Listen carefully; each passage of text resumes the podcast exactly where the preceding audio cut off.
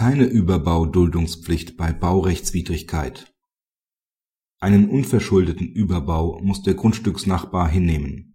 Widerspricht das Bauwerk jedoch den Regeln der Baukunst, besteht ein Beseitigungsanspruch. Der Beklagte erneuert im neuen BGH-Fall das Hausdach. Das auf das Haus des Klägers dabei montierte Anschlussblech entspricht nicht den bauordnungsrechtlichen Vorgaben und soll beseitigt werden nach Ansicht des BGH sind die Vorschriften über den Überbau nicht nur auf neu errichtete Gebäude, sondern, weil sich aus ihnen ein allgemeiner Rechtsgedanke ergibt, auch auf Reparatur und Modernisierungsmaßnahmen anzuwenden.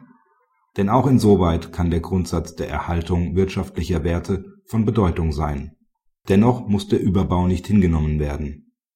Wer Arbeiten an bestehenden Gebäuden vornehmen lässt handelt regelmäßig in einer die Duldungspflicht ausschließenden fahrlässigen Weise. Ihm ist bekannt, wo die Grundstücksgrenzen liegen. Darüber hinaus gibt es solche Pflichten nur, wenn die Baumaßnahme im Einklang mit dem Landesbauordnungsrecht steht. Praxishinweis Der Entscheidung ist zuzustimmen. Sie wird im Hinblick auf die nach der Energiesparverordnung durchzuführenden Maßnahmen an Bedeutung gewinnen denn auch hier sind die Grundstücksgrenzen regelmäßig bekannt.